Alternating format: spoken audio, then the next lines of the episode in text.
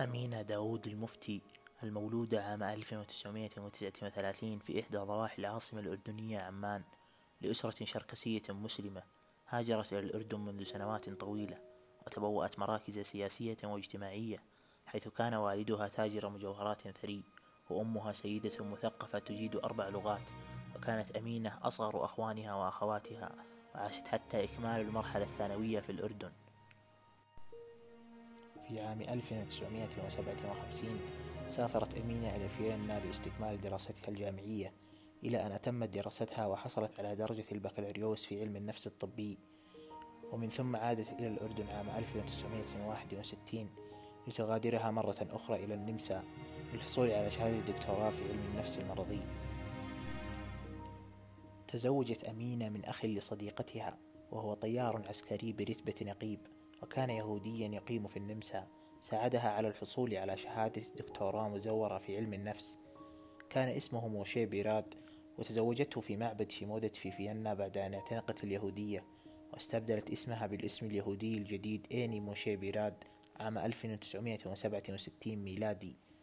هاجرت هي وزوجها إلى إسرائيل خوفا من تهديد أسرتها بالقتل وتقلد زوجها رتبة رائد طيار في سلاح الجو الإسرائيلي. وأسقطت المدفعية السورية طائرته.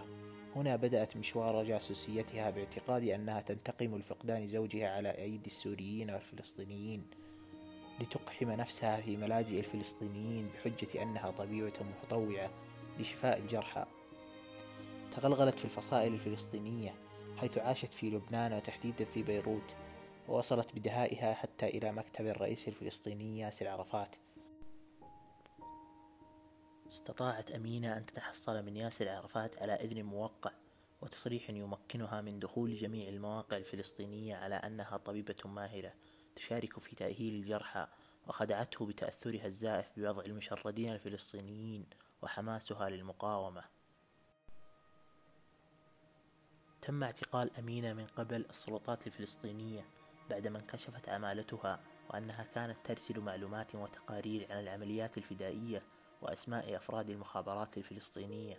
مع تفاصيل دقيقة عن تحركات تواجد أهم شخصيات منظمة التحرير الفلسطينية. وبعد اعترافها الكامل أبقيت في السجن لمدة خمس سنوات. لاحقا تم مقايضتها بأسيرين فلسطينيين لدى الإسرائيليين وعاشت بقية حياتها في تل أبيب.